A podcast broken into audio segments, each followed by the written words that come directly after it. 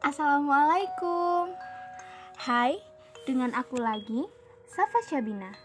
Kali ini aku ingin berbagi cerita dengan kalian semua. Aku ingin membicarakan bagaimana rasanya menjadi anak pertama. Biasanya kata pertama didasari dengan prioritas. Ya, yang paling prioritas untuk diandalkan dalam keluarga. Entah itu beban ekonomi, beban masalah, ataupun beban dalam menerima segala tanggung jawab keluarga. Sebagai anak pertama, adalah sosok yang paling didambakan para orang tua ketika kita telah lahir. Tapi setelah kita tumbuh menjadi dewasa, hidup terasa lebih berat dari biasanya. Apalagi jika anak pertama itu adalah perempuan. Mungkin dia tak akan setegar dan sekuat laki-laki, tapi tetap saja akan berusaha agar menjadi tulang punggung setelah orang tua sudah menginjak usia lanjut. Anak pertama diharapkan memiliki masa depan yang mapan dan sukses sebagai contoh untuk adik-adiknya. Hatinya harus sekuat baja.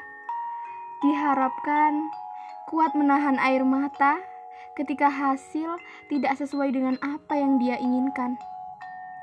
Lalu, bisakah anak pertama menahan rasa gelisah, rasa takut saat masa depan masih belum menjanjikan? Dia yang selalu berusaha sendiri menelan seluruh kepahitan. Begitu pula ketika bahagia setelah dia benar-benar berhasil untuk para orang tua, tolong beri dia semangat ya. Restu dan doamu agar dikuatkan hati dan jiwanya. Dimudahkan segala jalan yang dia tempuh.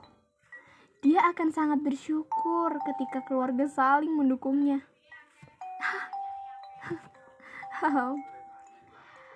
ya, Aku adalah anak pertama, dan semua yang kubicarakan itu adalah semua yang pernah aku rasakan. Semoga cerita ini bisa bermanfaat untuk para pendengarku, bahwa jangan mudah menyerah. Takdir kita, baik atau buruk, itu urusan belakang. Yang terpenting adalah seberapa besar usaha kita agar bisa menjadi manusia yang lebih baik lagi. Wassalamualaikum dan selamat malam.